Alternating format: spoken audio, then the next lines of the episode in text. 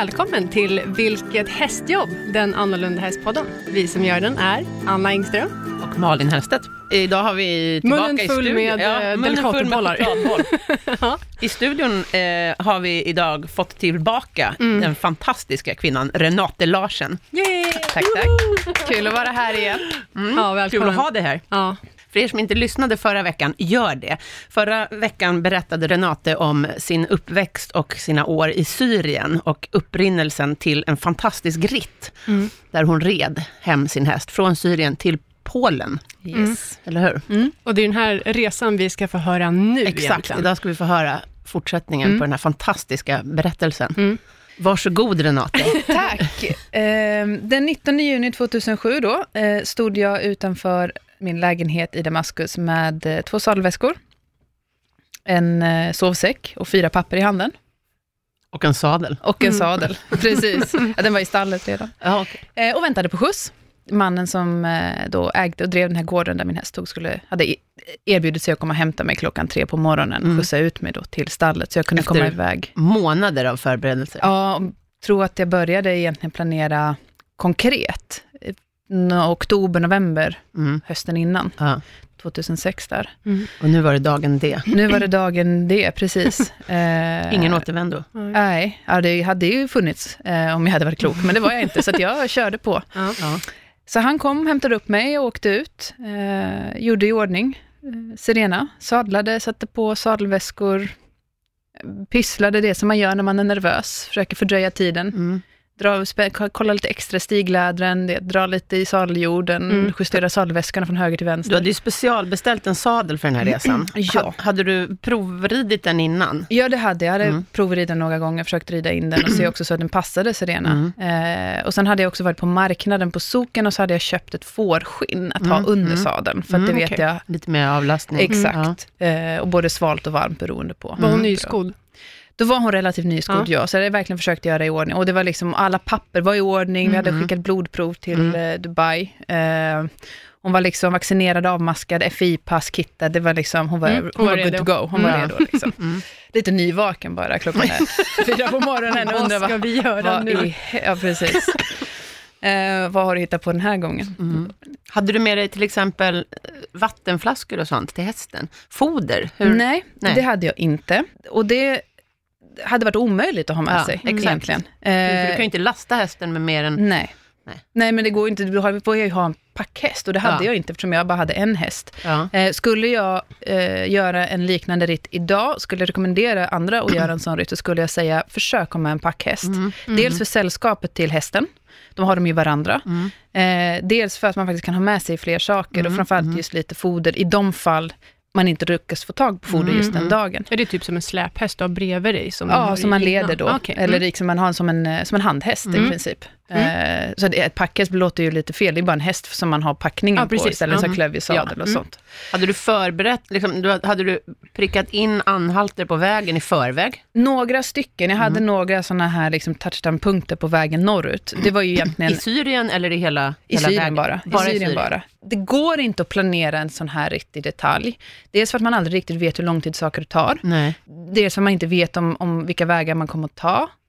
Eh, kommer någonting att hända som gör att jag måste ta en omväg, eller att jag behöver kanske få skjuts en bit, Mm. eller att, eh, jag, menar, jag menar, jag gör mig illa, hästen gör sig Mm, illa, vi kanske mm, behöver mm. vänta någon, Mm. någon veckor. Det hände ju under ritten att vi blev kvar i veckovis på vissa platser, Oj. för att hon skulle återhämta, eller jag. Hade eller du någon, någon tids, eh, på ett ungefär, Hur lång tid det skulle ta? Ja, precis. Inget, det fick ta den tid det tog. Ja. enkelt. I och med att jag inte var på väg till någonting egentligen. Nej. hade, det, det är inte så att jag hade en plan vad som skulle hända när jag kom fram heller. Nej, det var inget som väntade. Det var Nej. inte så här, jag ska börja jobba då och då. Nej, nej. utan det var lite, jag ska överleva. Fyra veckors Eh, semester. Precis. Prio ett, överleva. Prio två, Mm. eh, överleva med värdigheten i behåll. Och, och, sen, och sen försöka se lite grann vart det här landar. Så jag hade egentligen ingen, planen var att ta mig från Syrien Mm. eh, till Polen var ju då egentligen den ursprungliga eh, Mm. planen. Där bodde min mormor, jag har ju polsk bakgrund. Mm. Hon börjar bli gammal eh, och jag ville vara med henne de sista åren och jag tänker mig att jag hade någon vag plan att jag skulle studera veterinärmedicin i Polen. Okej, så tanken var från början att du skulle stanna i Ja, Polen? jag skulle Okej. till Warszawa Ja. eh, och jag skulle bo där och helt enkelt då bygga mig en framtid inom ramarna som då fanns. Jag tänkte att jag skulle så ansöka eh, till eh, veterinärhögskolan i Warszawa. Mm. Eh, det var liksom planen. Jag hade sökt till veterinärutbildningen i Sverige också lite så här Mm. för säkerhets skull. Jag hade bra betyg eh, och jag ville gärna bli veterinär då. Jag ville, just med tanke på eh, den bakgrund jag också hade med hästar i Syrien, Som ni kan höra om i förra avsnittet. Mm. eh, där jag då berättade lite grann om hur det, hur det var att ha häst i Syrien under de förhållanden som skiljer sig väldigt mycket från de svenska. Mm. Men det hade ju växt fram rätt länge att jag ville, vara så, jag ville ha så pass mycket kunskap och resurser att jag kunde hjälpa min häst Serena och även framtida hästar. Och det här var ju alltså 19 juni 2007. Yes. Hur gammal var du då? Då hade jag fyllt 20. Okej. Jag fyllde 20 i januari det Mm. året. Mm. Eh, och Serena var gissningsvis övre tonåren. Det var ju väldigt oklart. Det fanns ju inga papper på när hon var född. Nej. Så. Eh, Men de hade sagt att hon var 11 ungefär när du köpte henne. de hade Så sagt att hon var jämngammal med mig. Ja, och om du Eh, var så- 90, 20 här, då, borde hon då alltså ha hon 20, runt men 20. troligtvis var hon äldre. Ja. Det, Okej. var, det var jag tror. Ja. Eh, men det var det som var liksom sagt. Eh, I, och, fanns liksom i Mhm. pappren. Men därom, däromkring, Mm. kanske något år äldre, det var helt omöjligt att veta. Mm. Eh, araber är härdiga hästar. Ja, Mm. verkligen. Och det här var ju en, en ökenarab som du berättade Ja, i förra avsnittet. Precis, En väldigt stark hon, häst. Väldigt stark häst. Hon hade ju gått eh, distansritt och hon hade ju gått så här 160 km ritter och Mm. hej och hå. Men första stoppet måste ju ha varit i Syrien någonstans i alla Ja, fall. första Ja. etappen var att ta sig genom Damaskus i rusningstrafik och den hade inte jag räknat med. Den hade jag, det var en total, alltså det började verkligen Det började med en jag chock. inte, Ja, alltså jag hade ju inte sovit på typ ett dygn. Red du när det var sju fils... Ja, alltså Ja. jag hade inte, jag hade totalt kolossalt felberäknat hur långt det var att ta sig genom Damaskus, eh, hur lång tid det skulle ta. Jag har ändå bott där i tio år det Ja, här laget. mm, jag hade aldrig ridit genom här i Bågby. Så jag hade en helt skev uppfattning om hur lång tid det här skulle ta. Ja. Totalt. Eh, så att vi kom ju in i liksom Damaskus, i, mitt i så här rusningstrafik. Och då är det så här rusningstrafik, men som du säger, det är sjufiligt Mm. på en trefilig motorväg. Det är liksom bilar överallt och det är åsnekärror och det är hästkärror och det är taxi, gula taxibilar och det och äh, totalt kaos. Eh, och i detta liksom sammelsurium så försöker vi att ta oss igenom. Mm. Eh, och min första anhalt var, jag hade planerat in som sagt korta anhalter, och i början, det viktigaste, absolut viktigaste var ju vatten till Mm, Serena framför allt. Prio två var mat, så att hon kunde få äta någorlunda regelbundet. Men som jag nämnde i förra avsnittet, så det sätt, sättet hästarna hålls på i Syrien, att de kanske äter en gång om dagen, två gånger om dagen. För Ja. det, är ju så det finns inte så mycket mat. Nej. Så det fanns liksom inte heller den tanken, en möjlighet. Man kunde inte ställa sig i vägrenen och beta henne, för där fanns ju bara Sand. sand Ja. och stenar och en annan plastpåse. Det fanns liksom ingenting eh, Mm. i foderväg, utan då behövde jag stanna på gårdar. Jag Ja. behövde gå till hästfolk och be om foder. Ja. Så jag hade första anhalten var faktiskt eh, katolska kyrkan inne i Damaskus. Okej. Eh, och jag hade stämt av då med prästen där som jag kände, fader Edvard, och sa att jag vill bara komma förbi, kan inte jag få lite vatten? De hade en fin trädgård. Han bara, ja men det är klart liksom så här. Gud bryr sig om alla sina skapelser, både människor och djur. Ja. Fantastiskt. Så där kommer jag liksom med Serena. Och jag hade ju berättat för fader Edvard om den här resan. Mm. Och så hade han missuppfattat. Aha. Så han kommer ut och så ser han mig stå där med hästen och sadelväskan och han bara, ska du till Europa det där? Men vart har du transporten? ja, nej, nej, alltså Jag rider. jag tänkte ta till fots. Vid det här laget hade jag ju gått. Det hade blivit så varmt. Så jag red Serena i gryn... Alltså, generellt var det så att jag red henne gryningstimmarna och så fort det började bli varmt så hoppade jag av och gick för att, för att liksom spara henne Mm. lite. Eh, så vi fick, eh, vi fick dricka lite vatten där eh, och pratade. Och det var ju precis mitt under högmässan, så folk började ju komma ut och var inte helt glada över att det stod en häst mitt på gången till kyrkan, till helgedomen. Och Serena bajsade ju också. Jag blev jätteglad, för det betyder att magen håller ko- Ja. funkar bra. Right. Så att det var, ja precis, så vi, var, vi jagades ju ut med facklor och högrepar därifrån, Ja. tillbaka ut i trafiken, stadstrafiken. Och så började vi då den långa, långa, långa vandringen upp i bergen. För första anhalten var eh, uppe i bergen Sednaya och Malula, där vi skulle, där vi hade ordnat övernattning också. Mhm. Mm.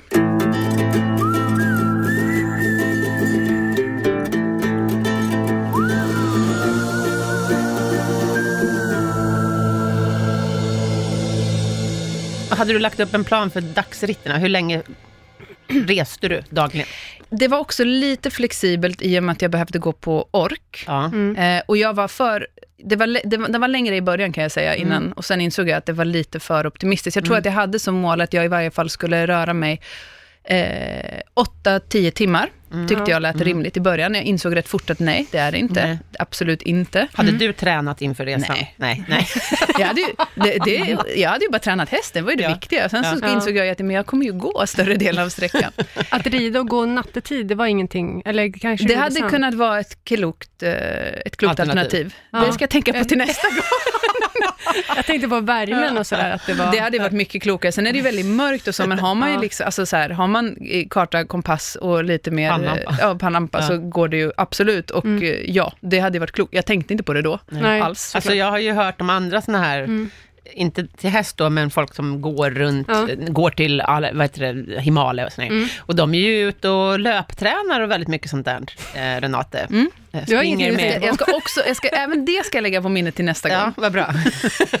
Köpa ett gymkort innan du gör den här Ja. resan igen. Exakt. Börja gå, gå och träna lite grann. Nej, f- Attsingen vad jobbigt det var den här första dagen. Just när, och just här, när jag inser liksom att all plan spricker, alltså den här Ja, känslan av osäkerhet. Ja, så här, Ja. vad har jag gett mig in på? Det, och, det var, vi, alltså, och sen så ska vi igenom, det var ju liksom, alltså det är ju stora det är flerplanskorsningar, det är liksom motorvägar som vi går på, men eftersom det är så mycket köer så går ju trafiken väldigt långsamt. Mm. Och Sirena var ju väldigt trafiksäker. Väl, och, och, Om inte annat blev hon. Ja, ja precis. Det hade inte så mycket alternativ. Men det är ju som sagt, hästen, det används ju, alltså, används ju där som, som liksom arbetsredskap, så de får ju dra vagnar mitt i, i trafiken och de trängs, alltså trängdes ju så här åsne och hästdragna Mm. vagnar liksom med bilar i, på motorvägen. Ja. Det var ju normalbilden där. Så folk var ju inte särskilt förvånade över att se en häst i trafiken, Nej. de var desto mer förvånade att se en blond tjej med den här hästen i trafiken. Mm. Och till slut så lyckas vi då kämpa oss ut ur Damaskus, kommer upp i bergen, börjar gå i de där förbannade bergen. Och jag kommer ihåg, jag var så trött då, för vid det här laget hade jag inte sovit på 36 timmar. Nej. Oj, oj. För att jag hade liksom inte sovit natten innan, för det var så mycket och jag var uppe i Mm. varv och det Ja, var bestyr och hej och på, Mm. ja, och avsked och jag var nervös. Så jag tänkte, jag sätter mig ner i skuggan en stund, det här måste ha varit någon gång på eftermiddagen vid två, tre tiden så var det en lit, ett litet, litet, litet träd vid, vid vägen, Mm. liksom så här, i en, utkanten av en by. Så jag tänkte, jag sätter mig där, för det är skugga för Sirena. Och så liksom... Kanske några löv för henne att äta. Kanske, precis, Mm. lite löv och kvistar och så sätter jag mig, jag ska bara vila, jag ska bara vila en stund. Ja. Och så vaknar jag då en och en halv timme senare, för jag hade ju bara däckat. Ja. Mitt alltså det var liksom, det var ändå en bilväg, det var ingen Ja. motorväg, det var uppe i bergen, men det var ändå en bilväg och som åkte förbi. Och jag hade bara tokdäckat och min första tanke, var är hästen? Mhm. Den står ju framför mig Ja. och sover. Hon Hon, hade inte bråttom, hon bara insåg att hem till stallet springer jag inte Nej, härifrån, nej. så det kan du glömma. Väldigt klokt häst. Ja, var, hon insåg väl att det fanns inte så många Du hade alternativ. inte bundit henne? Nej. Jag skulle ju bara sitta ner en stund, jag skulle hålla, jag höll ju liksom Ja, i, i grimskaftet. ja. Eh, Och sen somnade jag. Gud, vilket så hon stod kvar. Ja, vilken häst. Alltså, jag är imponerad. Ja, och så kämpade vi oss vidare upp för de här branta bergen och hon var Mm. inga problem. Liksom. Det var ju till slut så att jag fick hoppa upp. Jag gick ju hela vägen, men till slut så var jag så trött att jag faktiskt fick hoppa upp och så fick hon bära mig, för hon orkade. Hon var ju Ja. liksom, Mm. hon var ju en häst i Mm. typ En urkraft. En ur, ja. Ja. helt Ja. otrolig. Riktig, så här, riktig så här distansöken-arab. Som bara går som ett jäkla som en symaskin. Liksom. Mm. Ja, men som ett lokomotiv. Mm. Eh, och klipp i stegen och inga, och inte rädd för någonting. Den hästen var helt fantastiskt. Och till slut så började det skymma, och då går solen är på väg ner och så ser jag liksom så här, jag ser liksom målet några, det kanske var i varje fall två, tre kilometer till. Mm. Men det är ändå liksom, vi är Mm. nära. Mm. Så kommer det, kommer ihåg det idag, så kommer det en bil, en liten skruttig grön sak, så kommer en bil puttrandes förbi och i baksätet sitter tre ungar inklämda och tittar på mig. Mm. Och så kör den in till vägkanten och stannar.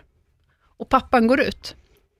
Och jag direkt känner så här, åh nej, så här, det, det är jobbigt. Så här, Mm. Ensam tjej, ändå så här, mitt ute i ingenstans, kommer en kar fram till mig. Men du sitter ändå på hästryggen? Jag sitter alltså på lite ja, tryggt jo, ändå, absolut. alltså. Ja. Så jag har ju mig, men Mm. liksom så. Men det ändå så här, kändes inte Mm. helt bra. Och så kommer han fram och så, när han är kanske fem meter bort, så har han världens största leende. Och så drar han fram tre chipspåsar. För han, hade liksom, han, tog, han, han hade alltså tagit sina barns chipspåsar. Ja. De hade suttit, och så hade han kommit ut och ville ge till mig, för han Han tänkte att han såg ut du att behöva. Såg hungrig ut. Jag hade ingen aning om vem jag var. Nej. Det var bara en snäll människa som Ja. såg någon galning till häst Ja. och Ja. tänkte att hon ser hungrig behöver ut. chips. Ja, precis. Det var f- första gången du lärde dig att inte lyssna på dig själv. Ja, precis. Ja. Det, men det var i, Tog du emot dem? ja, ja, gud, Ja. jag var jättehungrig. Och, salt och hej och hå. Liksom. Ja. Vi hade ju prioriterat, när jag hade stannat så hade jag hela tiden bett om vatten till Sirena. ja. För det är också en sån här grej, det är lätt att prioritera hästen, Mm. och så glömmer man, man, jag glömmer ju gärna bort mig själv. Mm. Det är så som vi är lärda från ridskolorna, att, så att innan du tar av dig hjälm, ridväst, Så allt det börjar där, alltid med hästen. Exakt. Mm. Mm. Du sadlar och transar av hästen, du ryktar den och kratsar hovarna. När den står och äter och dricker, då kan du börja äta, Exakt. dricka och göra dig själv. Mm. Och, det där sitter, och det tycker jag egentligen är en bra princip. Mm, Problemet är att absolut. man måste ta hand om sig själv i vissa sammanhang. Ja. Mm. Så jag hade liksom inte ätit, jag var liksom, det var bara total obalans. Jag började verkligen den här resan på, ett så dåligt sätt som möjligt för min egen del och det skulle bara fortsätta, det skulle bara bli värre. Liksom. Så det var verkligen en ren viljestyrka, men till slut så kommer jag fram. Men Och chips är ändå ja, som men- sagt bra kol- kolhydrater och Mm, salt. ja. Det kan du väl även ge till hästen tänker jag, för lite salt. Jag provade aldrig, jag vet att Serena har norpat en pizzaslice en gång. Okej. Eh, det, många, det var många år tidigare, det var när jag hade, jag hade, hade jag några kompisar vid stallet, då var jag Ja. typ 13-14 när du Ja, vet, vi hade ja, satt, ja. käkat pizza, kommer hon gående och bara tar en slice ur kartongen innan vi hinner reagera. Men chips testade jag aldrig. Men Nej, ja, det okej. borde ju vara lite Ja. salt och elektrolyter. Jag vet inte om Nej. jag hade provat det.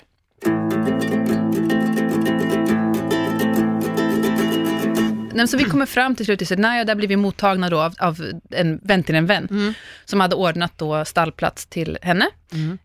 eh, på en strutsfarm. Ja. Var, ja, ja, och det var första gången i livet som både hon och jag hade sett strutsar. Men Eh, har de, det, för det är väl inte en naturlig Nej, fågel? nej och det är första och enda gången jag har hört talas om en strutsfarm. Ja, och det var, väl, det var väl för köttproduktion då förmodligen? Ja, ja. Eh, kanske ägg, men jag vet inte, men jag skulle, Mm. det är kött, Mm. eh, köttproduktion.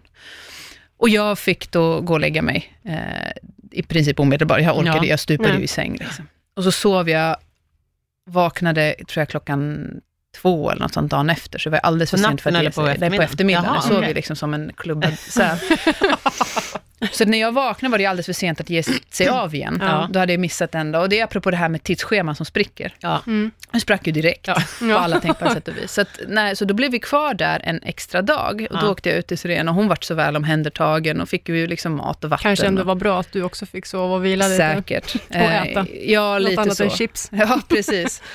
Vilade upp oss lite granna en dag till och sen nästa dag, klockan innan gryning då, Mm. satte vi iväg mot eh, nästa anhalt. Mm. Och då kommer vi vidare till, då går vi från Sednaya till Malula och båda de här plattorna är väldigt speciella rent kulturhistoriskt. Det är Mm. eh, kristna arameiska byar, de har ett gamla kloster. Mm. I, I Malula talar de fortfarande samma typ av språk som Kristus talade. Jaha. Som det Aram- arameiska. arameiska, ja. Eh, så det är väldigt, alltså väldigt fantastiska platser Mm. kulturhistoriskt. Jag tycker att det vore jättefint om du kunde ge oss en karta på din ritt, Ja, som vi Ja. kan lägga upp på vår Facebook-sida. Det gör vi. jag ska försöka fixa det, Ja, absolut. Liksom rita Ja. in, Lite grann vilken, Mm. ja, vilken bara väg det lite tog. lätt sådär, så att folk kan se. Och sen via Malula, upp i bergen igen och sen var det, helt plötsligt så slutade liksom byarna, så var det väldigt ödsligt. Det var liksom i princip bara berg och ner från bergen ner i stenöken. Och när vi som bäst är på väg där, jag och Serena, eh, vi följde ändå vägsträckningarna, för att jag då var inte så jättebra på att navigera, eh, och det finns ju liksom inga landmärken i en öken. Nej. tittar Jag ändå håller mig- samtidigt här. Har du då liksom rikt, riktningen inställd mot Aleppo? Ja, norrut. Det Ja. var ju... Och det mot var ju turkiska gränsen? ja, precis. Inte via Mm. Libanon? Nej, nej, utan det var rakt norrut. Det var egentligen det som var hela riktningen för hela resan. Det var ju bara norrut hela Mm, tiden. mm. Det var inte så jättesvårt.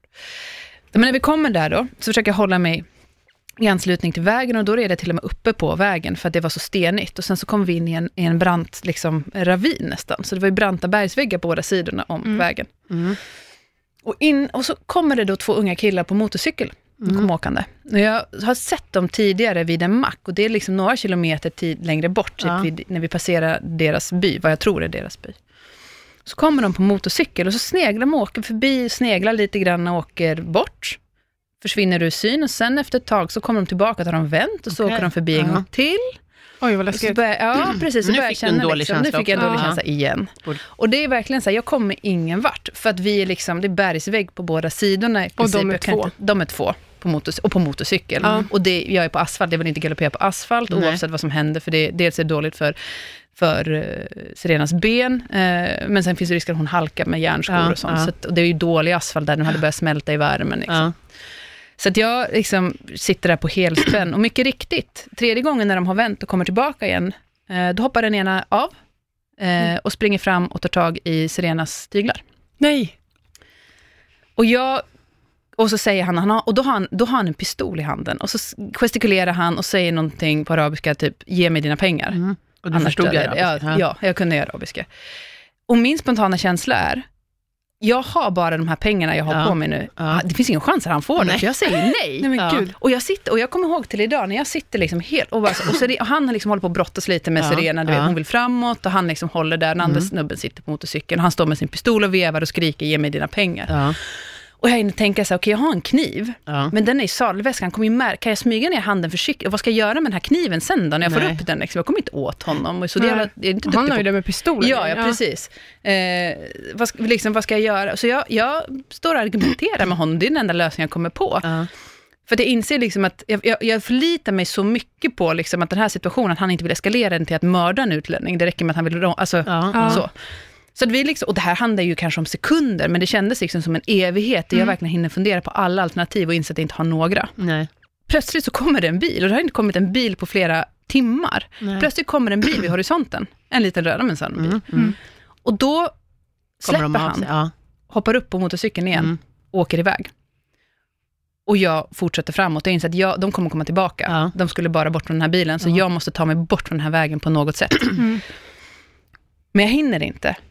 Innan För de det är, nej, jag, Ja. har liksom, så här, jag ser liksom gläntan i den här lilla ravinen. Jag ser liksom öppningen kanske, alltså det är 60 meter framför mig, något Mm. sånt, det är ju inte långt, Mm. när de kommer tillbaka. Och då när de kommer tillbaka, då börjar Serena galoppera Av sig själv? av sig själv. Ja.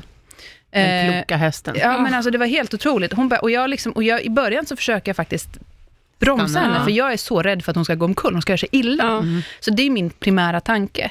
Men hon, liksom, hon Hon insisterar. känner nog din rädsla också Säkert. väldigt mycket. Säkert. Så de kommer ju upp med den här motorcykeln jämte oss. Det måste ha varit som en jävla westernfilm. Vi galopperar, kommer Mm. motorcykel jämte. Eh, och så ropar de återigen stanna och sen skjuter de.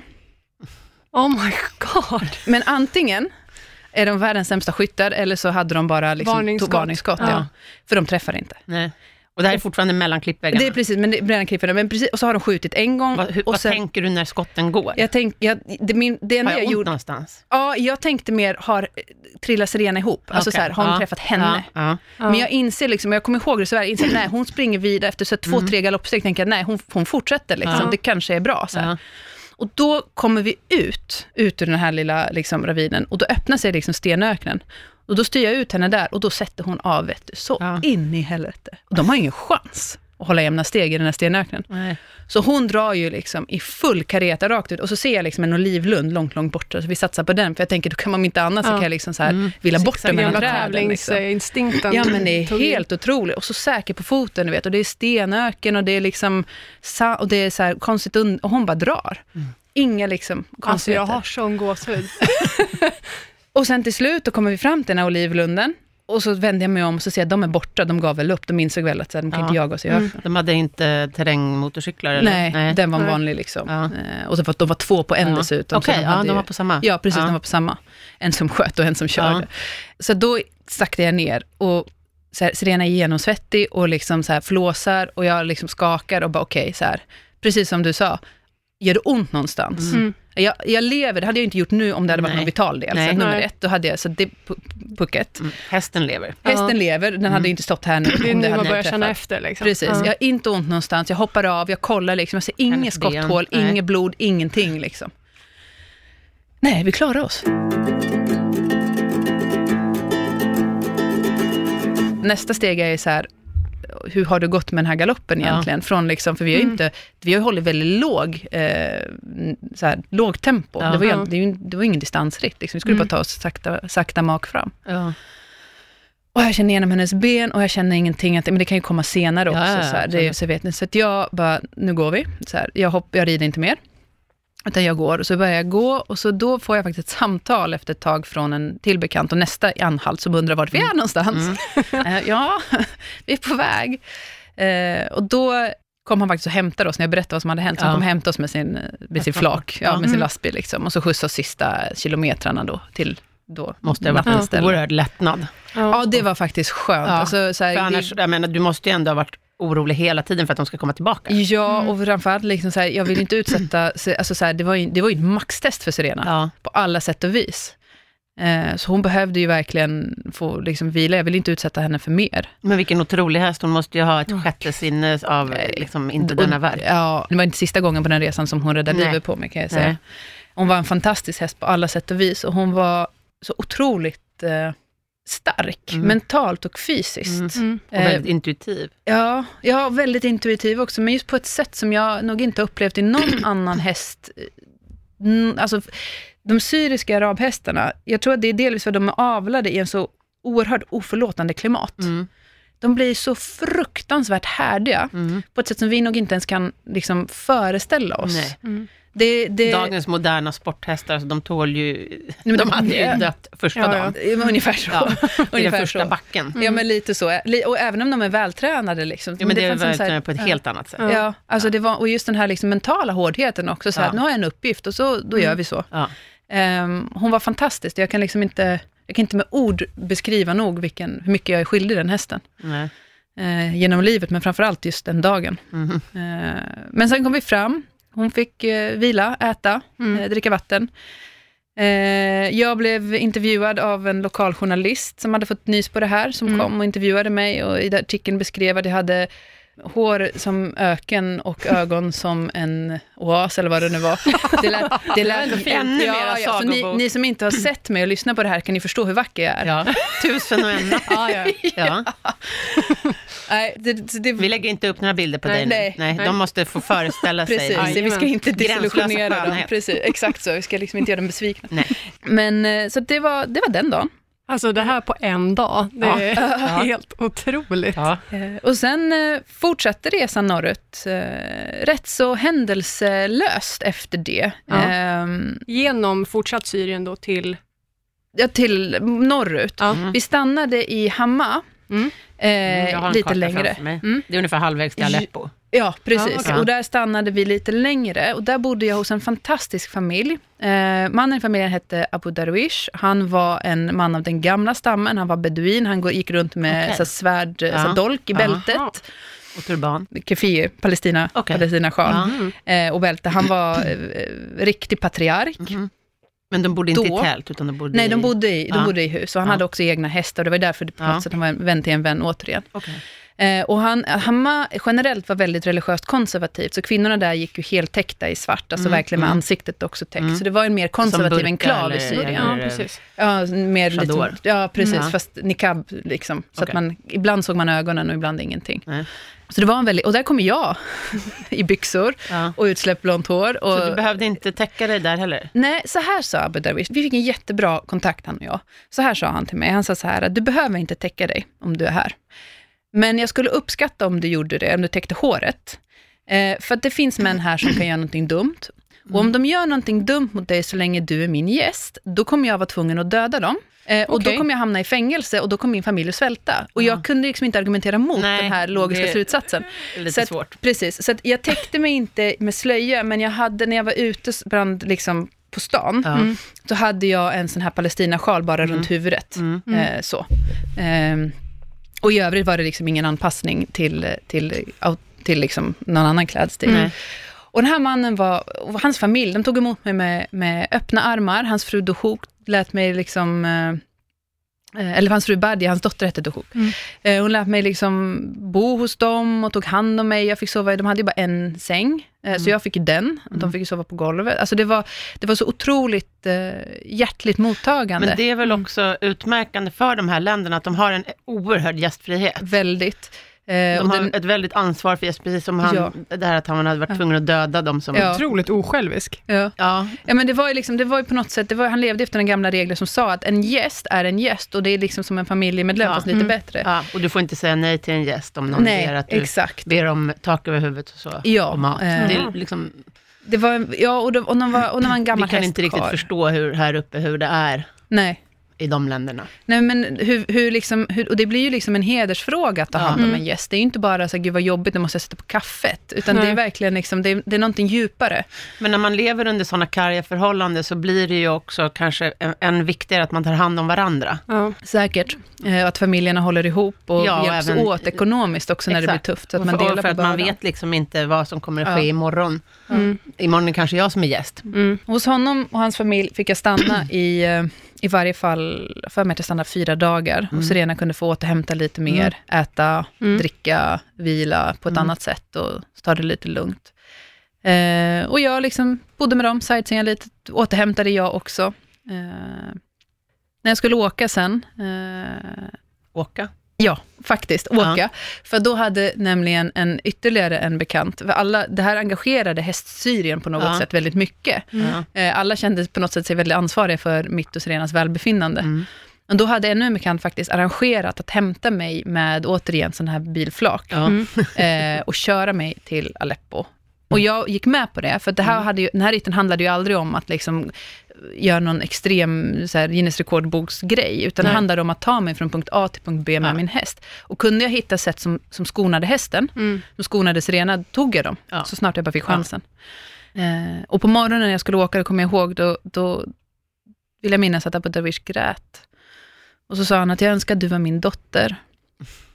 Renate var ju inte, ett- det inte ett arabiskt namn. Eh, och då hade, det, hade han så fint system, så han hade, alla hans eh, barn hette likadant som hans hästar. Okej. Det var för att hästarna var Ja. familjemedlemmar, så han Ja. hade liksom en, en häst som hette. Dohuk och en dotter som hette. Ja. Och, sådär, och en, en son som hette Mahmoud och en häst som hette. Mahmoud. Men han hade en häst som hette Rola, men han hade ingen dotter som hette Rola. Ja. Så, det då sa han, det var redan dag ett, så han, då får du bli Rola. Det får Ja. bli ditt liksom, Ja. arabiska namn Hade här. hans hästar det lite bättre? Alltså, nej, nej, ja, bättre. De hade det väl så gott som de kan ge dem, det är det jag vill lite komma Ja. fram till, att det, de hade det ju inte... De har det så bra Som- de som har bra- möjlighet att som- ge dem. exakt. Ja. Mm, Men jag tänker eftersom Ja. de var familjemedlemmar, han verkar ha tyckt väldigt mycket om sina hästar. Han gjorde, ju- han gjorde ju allt han kunde för dem. De hade bra mat, de hade liksom eh, skugga, de hade, Mm. men de hade ju ingen hage heller. Eh, inga sådana förutsättningar.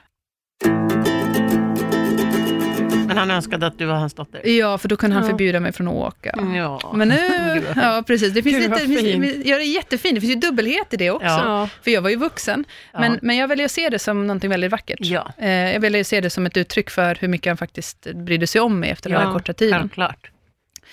Men ack, jag var ju inte just hans dotter, så jag kunde ge mig av. Mm. Eh, och hans eh, bror kom förbi och gav mig ett sånt här eh, muslimskt radband. Mm. Så en väldigt speciellt här böne, böneradband som Mm. han gav, så att Allah skulle vaka över mig på resten av resan. Och det Mm. har jag kvar, det hänger Mm. hemma hos mig. Har du haft någon kontakt med dem?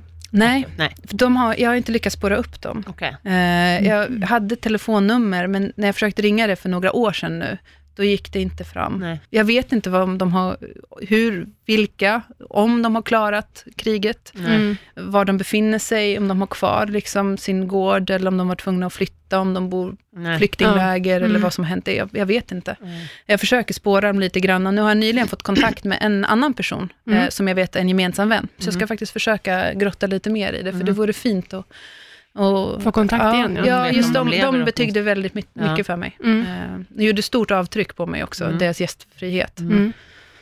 Alltså ordet gäst just nu har ju en helt annan innebörd för mig kan jag säga, ja, än vad det hade innan. Ja, Ja. eller hur? Man ska ta hand om sina gäster. Ja, men alltså, Och det fina är ju att under hela den här resan så var det ingen som någonsin egentligen ville ha betalt för den här gästfriheten. Det var ingen som Mm. krävde ma- mig på pengar för mat eller husrum, utan alla sa, när jag frågade så sa de, nästan alla på sitt sätt sa de samma sak. De Mm. sa så här, nej, men se till att göra någonting fint för någon annan någon dag. Mm. mm. men så, ta det här, ta det här Exakt. med dig och ta det här Mm. vidare. Precis, Ja, det är en fantastisk inställning Mm. som vi alla kan lära oss Mm. lite av, tycker jag. Ja, och sen åkte vi till Aleppo, händelselöst. Eh, så var vi i Mm. Aleppo återigen några dagar, allt för att hon skulle få liksom återhämta lite. Eh, och sen tog vi oss över gränsen till Turkiet. Mm. Och det var ju den första gränsövergången. Och jag kommer ihåg, det jag kommer ihåg av den morgonen, när vi var på väg då från Aleppo till Bab el-Hawa och sen till övergången till Turkiet. Det jag kommer ihåg från den morgonen är att jag hade sånt fruktansvärt magknip. Jag kunde knappt stå upprätt. Det gjorde så fruktansvärt ont. Mm. Eh, troligtvis för att jag åt dåligt, Mm. oregelbundet, sov dåligt. Allting var ju liksom bara en enda Kaos. röra Ja. i princip. För jag var ju mer upptagen med att Serena skulle ha det bra än jag. Mm. Så kommer vi fram till gränsövergången och det är precis börjar bli gryning. Eh, och så inser jag ju liksom att jag måste först ut ur Syrien, Mm. in i Mm. ingenmansland. Mm. Det är liksom Jaha. utmaning nummer ett. Okej. Ingenmansland, är det en... Det är liksom en, en, egentligen bara en, en finns en utrymme. remsa ja, en remsa, exakt. Så det är inte som... Det är ingen som äger det. precis. Okej. Nej. Och, det, och jag vet inte om det är också någon, finns någon militärtaktisk liksom anledning till att de har det så, men den är kanske en kilometer eller något sånt. Mm, Okej. För så är det ju inte mellan alla länder direkt. Nej. Nej, men Sverige och Norge är ju bara liksom en gräns. Mm. Exakt. Så, men där var det verkligen, man lämnar Syrien och sen ska man in i Turkiet. Så Mm. risken är att jag lämnar Syrien, sen får jag inte komma in i något av länderna. Aha. Då har jag ju den här lilla kilometersremsan. Ja, precis. Får jag sitta Nej. där tills jag storknar. Mm. Så jag kommer ju fram till den syriska eh, gränsen Mm. eh, och lämnar in och så binder jag upp Sirena utanför, går in liksom, i den så luftkonditionerade hallen och så, så här, kommer jag med pappren och så säger jag så att jag behöver, ja, det här är min plan, liksom, jag ska Mm, lämna landet, mm. jag har min häst där ute, här alla papper är i Mm. ordning. Mm. Och jag hade också fått papper från, eh, från liksom, eh, eh, rasföreningen då, som var ansvarig för exportmyndigheten. Mm, okej. liksom Ja, det. Att, så här, att, att jag hade tillstånd att lämna, och framförallt lä- få en, exportera en arabhäst ur Syrien. Det är ju liksom ett stort värde för landet. Så allt, allting var i ordning. Och så tittar han på det här, den stackars tulltjänstemannen, och säger så här, nej men du, du saknar, behöver en stämpel på det pappret och det behöver vara underskrivet där. Jag bara, men hur, var, vem ska jag vända mig till för att få det? Ja men det, det är eh, immigrationsmyndigheten i Damaskus. Nej, Ja, sluta. Rid tillbaka. Ja, typ. Ja. Jag bara, fast det tog mig eh, mer än en vecka att ta mig hit, jag kan inte åka tillbaka. Nej. Han bara, då tog det mer än en vecka? Han hade ju fortfarande inte fattat. Han Nej. trodde ju återigen, som alla, Ah. att jag hade hästen i en hästtransport. Mm. Ja. Och så pekade jag ut genom fönstret, och där stod ju Sirena och tittade in med spetsade öron. Då blev han helt blek. Och så sa han så här, vänta jag ska ringa ett samtal. Så gick han Ja. iväg och så ringde han det här samtalet. Och vem det här samtalet gick till, eh, vad som sades i det här samtalet, det vet jag inte. Men efter ett tag så kom det ner ytterligare en tulltjänsteman som såg ut att ha lite fler liksom, militära utmärkelser, Ja. så han var väl lite högre i rang. Mindre blek. Precis, fler blänk. Mindre Eh, blek. och så stämplade han det här pappret och så sa han, eh, Gud var det med dig liksom. Ja. Och så lämnade jag Syrien. Och så gick jag i ingenmansland och insåg då att nu är det ju bäst att jag kan komma in i Turkiet, för annars så vet inte jag om jag får komma tillbaka in i Syrien, om jag Okej. väl har exporterat den nästa, som det är smittskydd. Det kan ju finnas så här formell, alltså man ja, vet ju aldrig. absolut. Ja. Island tillåter ju inte hästar att komma tillbaka Nej. efter en export. nej. Alltså så här, det, det kan ju vara liksom pappersexercis som säger att nej, du, du får, liksom, du får spöka där i Mm. all evighet nu. Mm.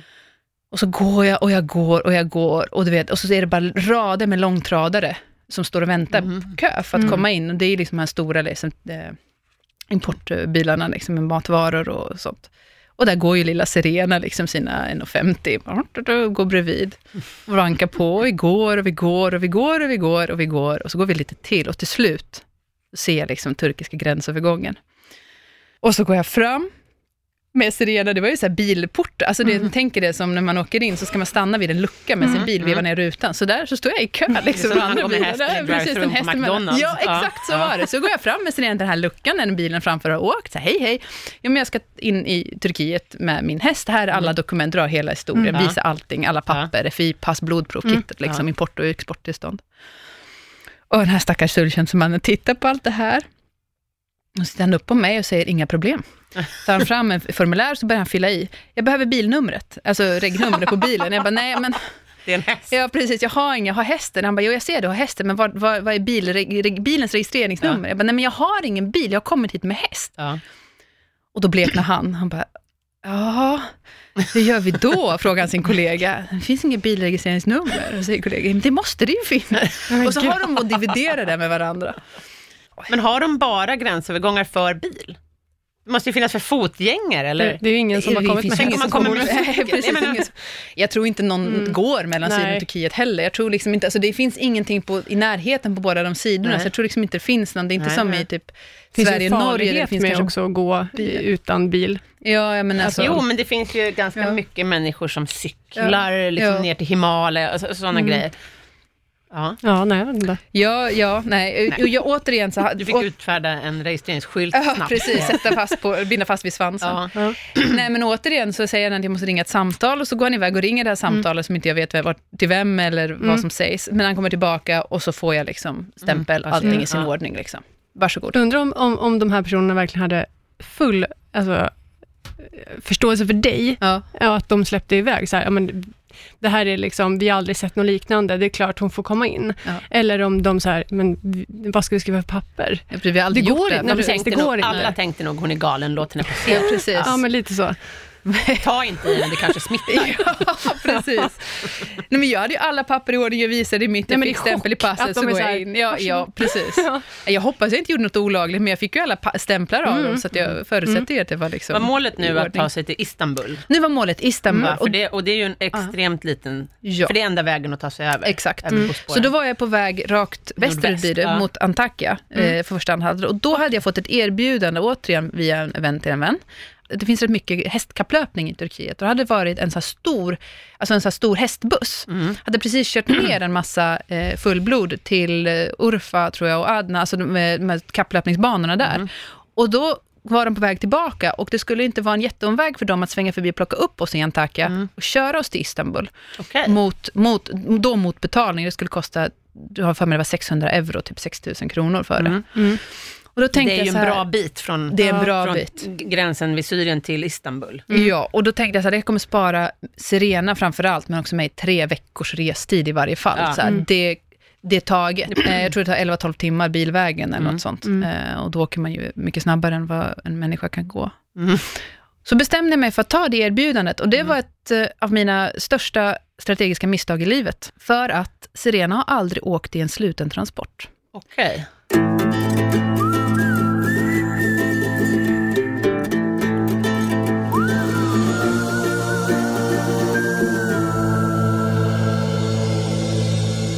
Och jag Hon har hade, bara åkt sådana här lastbilsflak. ja, hon har bara åkt de här liksom livsfarliga lastbilsflaken, det var det enda hon kände till. Och jag det var hon trygg reflekterade med. inte, det Ja. var hon trygg med, Ja. det förstod hon.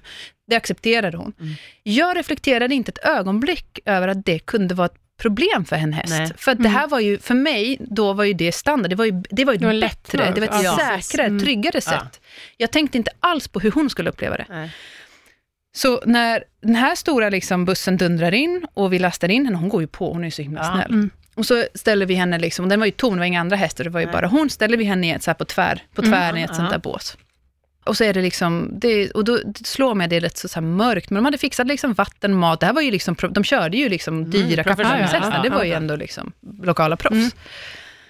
Och så sätter jag mig liksom fram och börjar åka. Eh, och vi åker och vi åker, och de så här, de åkte väldigt fort till att börja med. Jag bad dem sakta ner, det var de inte jättesugna på. De åkte fort, de åkte utan pausa en enda gång. De stannade för att äta, men då fick inte jag ta ner Serena Nej. från eh, Okej. transporten. Eh, för vi stannade vid ett tillfälle för att äta, och då åt jag också. Och efter det så sa jag faktiskt att jag, vill, jag, då kommer, jag kommer åka bak med henne. Mm. För att Mm. jag kände att det här, det här är tufft nu. Mm. Så då satt jag faktiskt bak med henne. Hon fick inte lämna den här eh, transporten på kanske ja, 10, 11, 12 timmar. Mm. Ehm, om inte mer, jag kommer inte ihåg exakt, tills vi var framme i Istanbul. Mm. Vid eh, då, ehm, det kapplöpningsstallet där vi skulle få bo i karantänboxarna. Mm. Och det var jättetufft för henne. Mm. Hon tappade jättemycket vikt på den resan. Okej. Det var liksom, jag tror att det var sån Hon tappade enorm... mer i vikt på det än på liksom På- springa på- från ja. eh, rånare Ja. genom öknen. Mm. Det var, ja, ja och hon, alltså det var en fysisk stress för henne att Mm. åka på det här, Mm. den här, eh, i den här hästbussen. Mm. På ett sätt som jag aldrig har upplevt hos en Men det var häst ett trauma förut. för henne, Ja, liksom. det måste det ha Ja. varit. Det var fruktansvärt. Mm. Och hon stod ju liksom, och jag, när jag åkte bak med henne, hon, stod, hon åt ju inte, hon drack inte, Mm. hon bara stod och svettades. Så jag försökte få kontakt med dem, att de skulle stanna, men sa Ja. nej men vi är snart framme liksom. Det finns ju inte så mycket att göra. Nej. Jag Nej. kan ju inte hoppa av i farten. Nej. Så när vi kommer fram så lastar jag av Sirena, och hon är liksom i En rätt ja, rätt bedrövligt skick. Eh, så de visar in henne i en box med lite sand och sen halm. Hon går in och det första hon gör är liksom och kissar och bajsar, tack och lov, Mm. dricker vatten och sen är hon. Men hon var, hon, såg, hon, hon mådde inte bra av det där. Nej.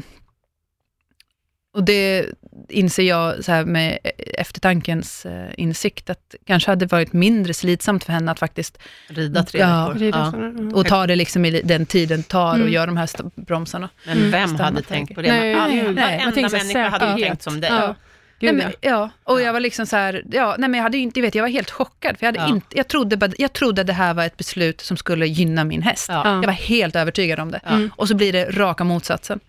Men tack och lov så hade de en jättebra veterinär där Mm. eh, på den här kapplöpningsbanan. Eh, Soner, en ung eh, turkisk kille, som Mm. hade, tror jag, utbildat sig i Tyskland. Han talade flytande Mm, tyska. Mm. Så han kom dit och han gjorde liksom så här the full package. Kollade igenom allting, du Mm. vet benliniment, eh, tog blodprov bara för att kolla.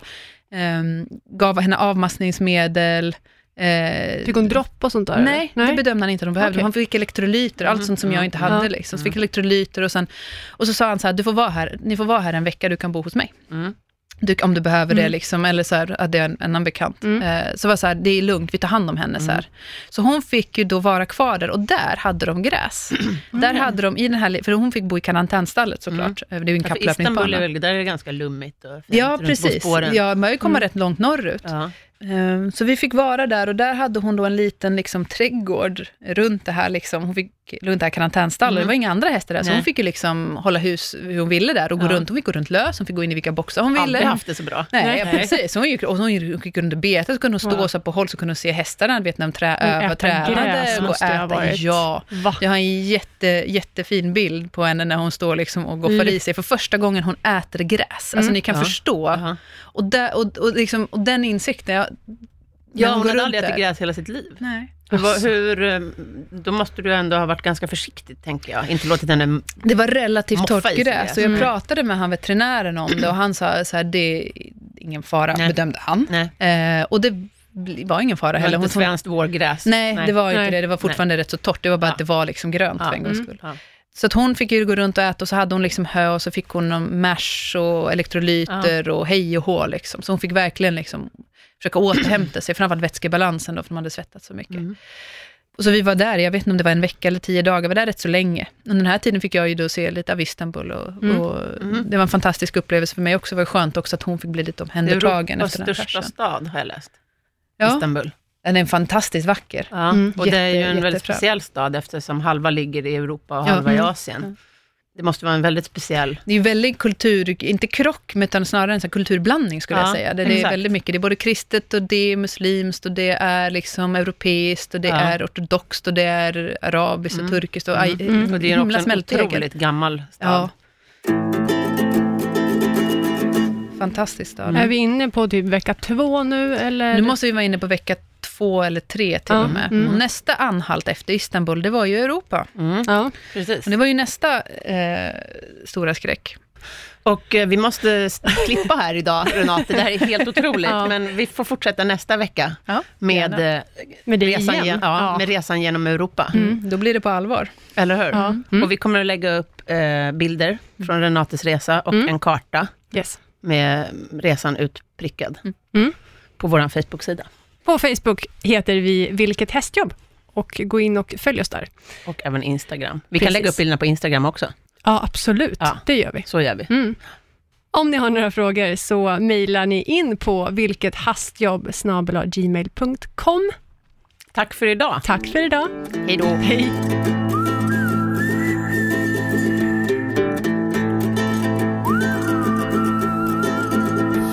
Produceras av I Like Radio. I like radio.